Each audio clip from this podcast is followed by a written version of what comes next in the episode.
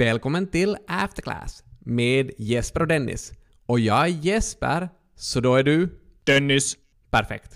Hur är läget Jesper? Ja, faktiskt riktigt bra. Föreläsningarna har startat den här veckan och vi har som vanligt mycket nytt att prata om. Så ingen corona-oro i ditt läger? Förstås är vi lite oroliga för den här delta-varianten. Eller som Delta Airlines VD kallade vid det här riktiga vetenskapliga namnet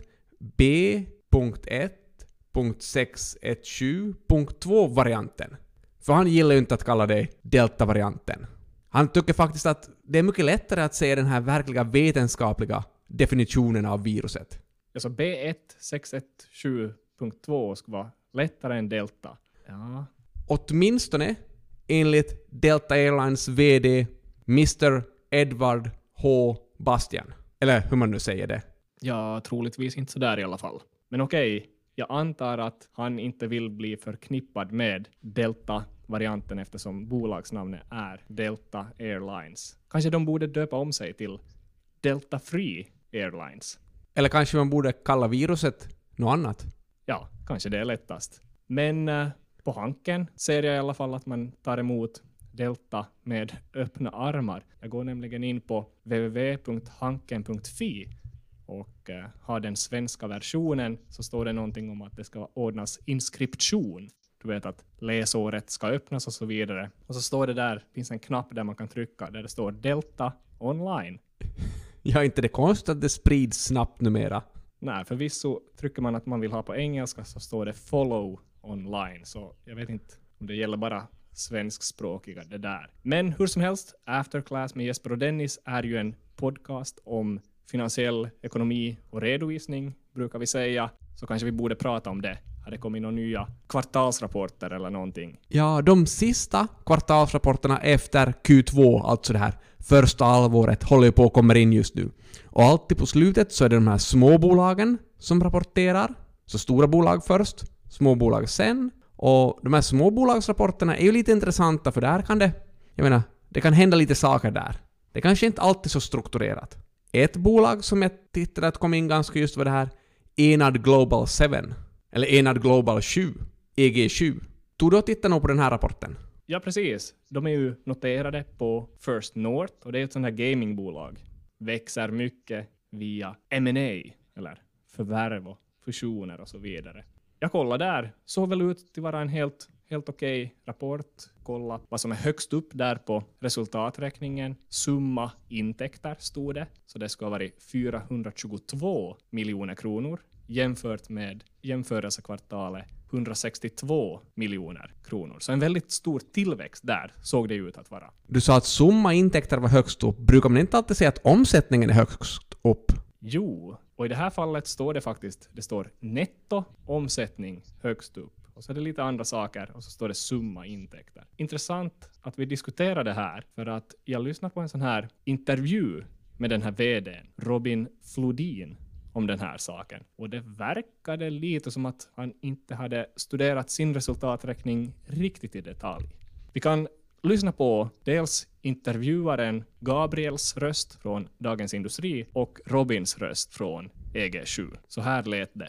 Mm. En detaljfråga jag reagerade på i rapporten innan vi går vidare.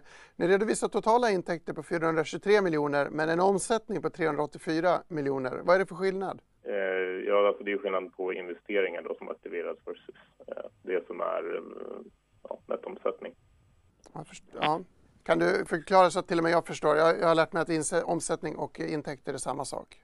Ja, ja såklart. Nej, men eh, om, omsättningen är ju den totala omsättningen. Och, och intäkterna är? Ja, intäkterna är det som verksamheten har gjort då, i försäljning av spel och så vidare. Så inte inriktad finansiella eller andra poster. All right, så omsättningen är alltså intäkterna rensat för finansiella poster menar du? Så det blev ju lite konstig stämning där, måste man säga. Så vad är det de funderar kring? Om omsättning och intäkter är samma sak? Jag är lite orolig för att om man ska gått någon av mina kurser så skulle man faktiskt kunna tro att omsättning och intäkter är samma sak. Det tror jag också. Via redovisningens grunder säger vi att omsättning och intäkter är ganska mycket synonymer. I det här fallet så står det helt i enlighet med hur reglerna säger att man ska uppställa ett bokslut och en resultaträkning specifikt, att innanför det här totala intäkter-fältet kan man, om det behövs, inkludera någonting som heter aktiverat arbete för egen räkning. Och det är väl lite det där som den där Robin, han var inne på det i början, men sen villade reportern bort honom lite. Kändes lite som att den här Gabriel fick eh, blodsmak då han kände att Robin inte var riktigt klar på sin sak där. Ja, och man nästan kan ju se att Gabriel har sådana här hajögon. Och man vet ju att en haj kan ju känna av en droppe blod i havet på flera kilometers avstånd. Du har rätt i att Gabriel var som en haj. Men jag tror ändå det är en, det är en myt det där med, med blodlukten. Eller Ja, no, blodsmaken. Faktum är faktiskt att, jag måste, jag måste kolla upp det här. Hajars luktsinne har man kommit fram till är faktiskt ungefär lika utvecklat som, som andra äh, fiskars. Alltså, är första Fiskars det här bolaget på finländska börsen? Vad är då andra Fiskars? Ja, det, det, det där var, jag tror de pratar om, om fiskar, fiskar i allmänhet här som äh, strömming och, och så vidare. Men eh, äh, nu finns det ju bolag som har säkert bra luktsinne. Kan man tänka på det här LVMH, de tillverkar väl bland annat parfymer och så vidare, så där måste väl vara doftsinne i skick. Nåja, det där är en parentes. Vet du vad som hände efter att Robin började yra om intäkter och omsättning? Ja, efter Robins sån här geniala uttalande att omsättningen är den totala omsättningen. Och sen fortsatte han ju med det där. Intäkter är det som verksamheten har gjort i försäljning av spel och så vidare. Inte inräknat finansiella och andra poster. Och där var väl nog någonting och gick snett. Nej, jag vet inte. Vad hände med Robin? Han fick kicken. Eller han avgick av olika orsaker på kvällen. Bolaget kommunicerade och sa att allt det här var väldigt planerat. Det var tänkt att Robin, lite medgrundare, varit med sedan 2013, skulle avgå efter den här rapporten då marknadsreaktionen var väldigt negativ, men kanske också delvis var marknadsreaktionen negativ eftersom vdn inte verkar ha den här resultaträkningen riktigt, riktigt på koll. Så kanske helt rätt att Robin slutade, men var det så att han fick lite onödigt mycket kritik för det här, sina uttalanden? Ja, det känns ju nog lite som att kanske den här Gabriel också kunde ha hindrat sin inre haj lite där och börja fundera, förstår jag det här med omsättning och intäkter i det här fallet? Det är ganska roligt det här EG7. Det finns tidigare också i historien lite sådana här underliga saker. Jag läste ett pressmeddelande från hösten 2020. Så då skulle man berätta lite om kommande bolagsstämma och eh, hur röstningen sker till och så vidare. Och sen stod det någonting att om man vill ha mer information så finns all information på www.embracer.com. Så Embracer var då det här andra företaget som hade en liknande affärsidé. Jo, marknadsledaren kan man säga också i Sverige, så det är kanske så att man har gått och copy-pastat lite pressmeddelanden därifrån. Så inte så bra beteende. Men då är vi igen lite positiva till Gra- Gabriel som egentligen då övervakar de här bolagen och ser till att de sköter sig. Lite press från media kanske leder till mindre skumma saker. Det finns de facto också en riktigt ny forskningsartikel i den här respekterade vetenskapliga tidskriften JFE. Du vet, Journal of Financial Economics. Den är skriven av en författartrio som börjar med Hese. Han är på Harvard University, så det är väl riktigt bra grejer. Så de har studerat så här i, i USA, att vad händer då lokal media försvinner eller läggs ner. Och resultaten visar mer skum business då lokal media försvinner. Vilket då skulle tyda på att det finns en granskande effekt.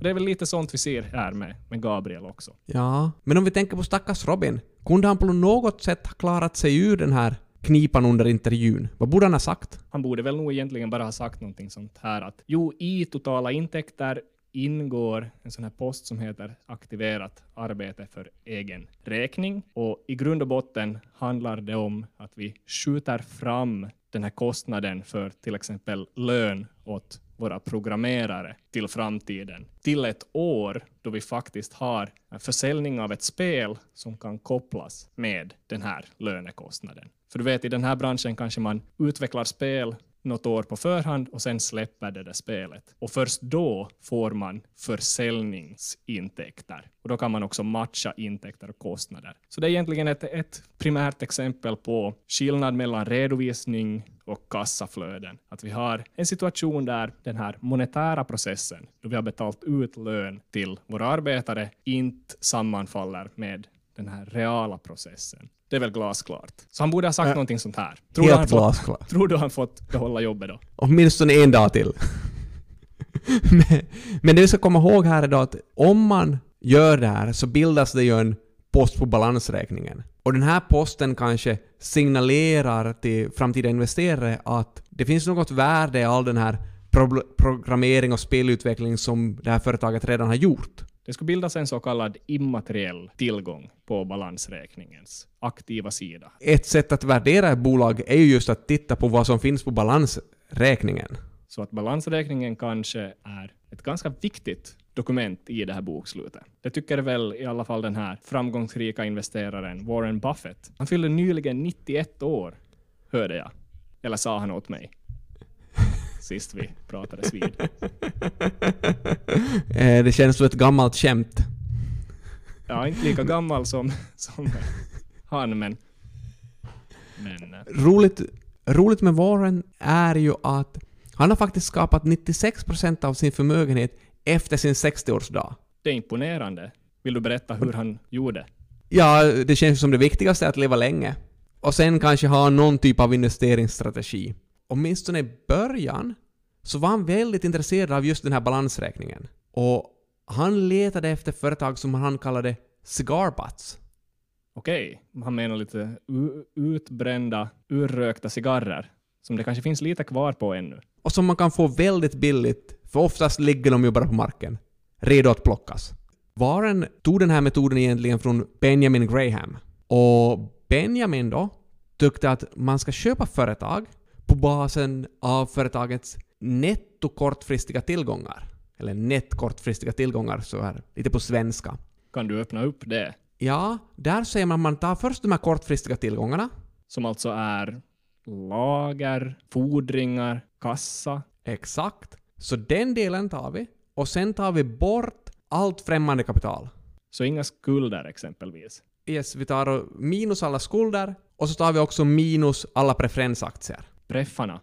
Exakt. Och summan av det här blir då nett kortfristiga tillgångarnas värde. Så tanken som Benjamin hade är att det här värdet är vad man kan få ut av företaget om man stannar verksamheten idag och säljer bort alla tillgångar. Och sen så var hans investeringsregel på så sätt att vi skulle ta det här värdet, net kortfristiga tillgångar, dividera det med antalet aktier, så vi får ett estimerat värde per aktie, och sen skulle vi bara köpa aktier där aktiepriset är maximalt 67% av det här estimerade värdet. Och då blir det framgång. Ja, åtminstone om man tittar på Warren, vad han har åstadkommit. Så jag menar, kanske vi ska testa det här också. Så då, kanske man, då kan man göra guld av... Batterier. Ja, jag tänkte mer på cigarrstumpar, men du pratar batterier. Ja, för det var det bolaget jag tänkte att vi skulle ta och testa värdera. Okej. Det här bolaget Frerr, som är aktuella med en ny battericellsfabrik i Vasa. Vad sa du de hette? Frerus. Fre- Frerus. Är det inte bara Freyr? Freyr. Freyr.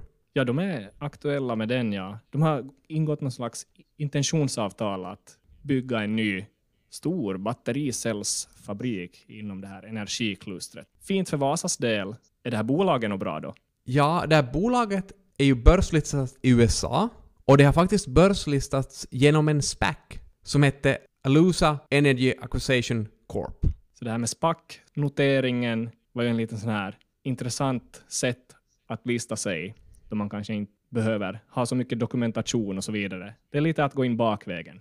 Jo, men de kan vara ganska intressanta att värdera just via den här net kortri- kortfristiga tillgångar-metoden som Benjamin använde, för de har väldigt mycket kortfristiga tillgångar. De har egentligen väldigt mycket kassa. Så om vi tittar på deras kortfristiga tillgångar så uppgår de till dryga 14 miljarder dollar. Så vi skulle ta kortfristiga tillgångarna och sen skulle vi dra bort allt främmande kapital och preferensaktierna. Främmande kapitalet är på 8,8 miljarder och preferensaktierna är på 15 miljarder, allting i dollar. Så summan av det här vi ska dra bort blir faktiskt 23 miljarder, eller nästan 24 miljarder. Och hur mycket fanns kortfristiga tillgångar? Där hade vi 14 miljarder. Så 14 minus 23. Det uppstår ett problem här. Det blir minus. 9,5 miljarder. Det är väldigt mycket minus. Hur ska vi komma upp till 67 procent? Ja, jag vet inte hur vi ska lösa den här ekvationen, men vi kan ju säga på så sätt att varken Warren Buffett eller Benjamin Graham ska vara speciellt intresserade av ett sånt här bolag. Men man ska komma ihåg att Warren Buffett, den yngre av dem, eftersom den andra är död, är 91 år. Så det kanske är nya tider nu. Ja, kanske det är det här som är framtiden. Men i den här ekvationen som du visualiserar för oss exkluderas alltså alla långfristiga tillgångar. Så att in, inga immateriella tillgångar som vi pratade om i det här med EG7, inte heller några materiella tillgångar som byggnader och maskiner och fabriker. Eller. Benjamin Graham ville ha det på det här sättet eftersom han ville tänka på vad är företaget värt idag om vi stoppar verksamheten nu och säljer bort alla delarna. Så om vi tänker till exempel på de här halvutvecklade spelen som EG7 hade på sin balansräkning. Så om vi slutar med EG7s verksamhet så kan det hända att de här spelen inte är värt speciellt mycket. Nej, just det. För vem vill ha ett halvutvecklat spel? Men nog finns det ju ändå tillgångar där ute som känns ganska påtagliga. Jo, nu håller jag med dig där. En av mina favorithobbyer är ju att värdera skogsbolag genom deras tillgångar. Jag tycker speciellt om det här skogsbolaget Holmen, så svenskt skogsbolag, som har en miljon hektar skog. Det är ganska mycket. Ja, och vi kan ju värdera det här bolaget genom att ta den här antalet hektar skog och multiplicera det med vad ett hektar skog är värt. Så i Sverige, där den här skogen finns, så betalar man ungefär 35 till 45 000 kronor per hektar. Lite matte på det, så en miljon gånger 35 000, 35 miljarder. Exakt rätt. Så redan den, den tillgången är ju värt någonting med 35, mellan 35 till 45 miljarder. Så egentligen vad vi skulle göra är att vi skulle alltid kunna köpa Holmen-aktier när marknadsvärdet är under den här gränsen. Och då ska vi komma ihåg att Holmen har ju förstås lite kanske, det finns lite skulder, det finns lite andra tillgångar, men det ska vara en ganska bra regel. Tyvärr får vi ingen köprekommendation för Holmen just nu, för just nu är marknadsvärdet 72 miljarder. Men våra lyssnare kan ju alltid titta igenom alla de nordiska skogsbolagen och se om de hittar någonting köpvärt. Hur ser det ut med ACs balansräkning? Hittar vi något av värde där? Ja, Afterclass-poddens uh, eh, balansräkning är väl ganska robust. Det finns väldigt mycket på aktiva sidan i alla fall. Uh, ibland är vi kanske lite ur balans, men vi fortsätter nästa vecka med nya insikter i After Class.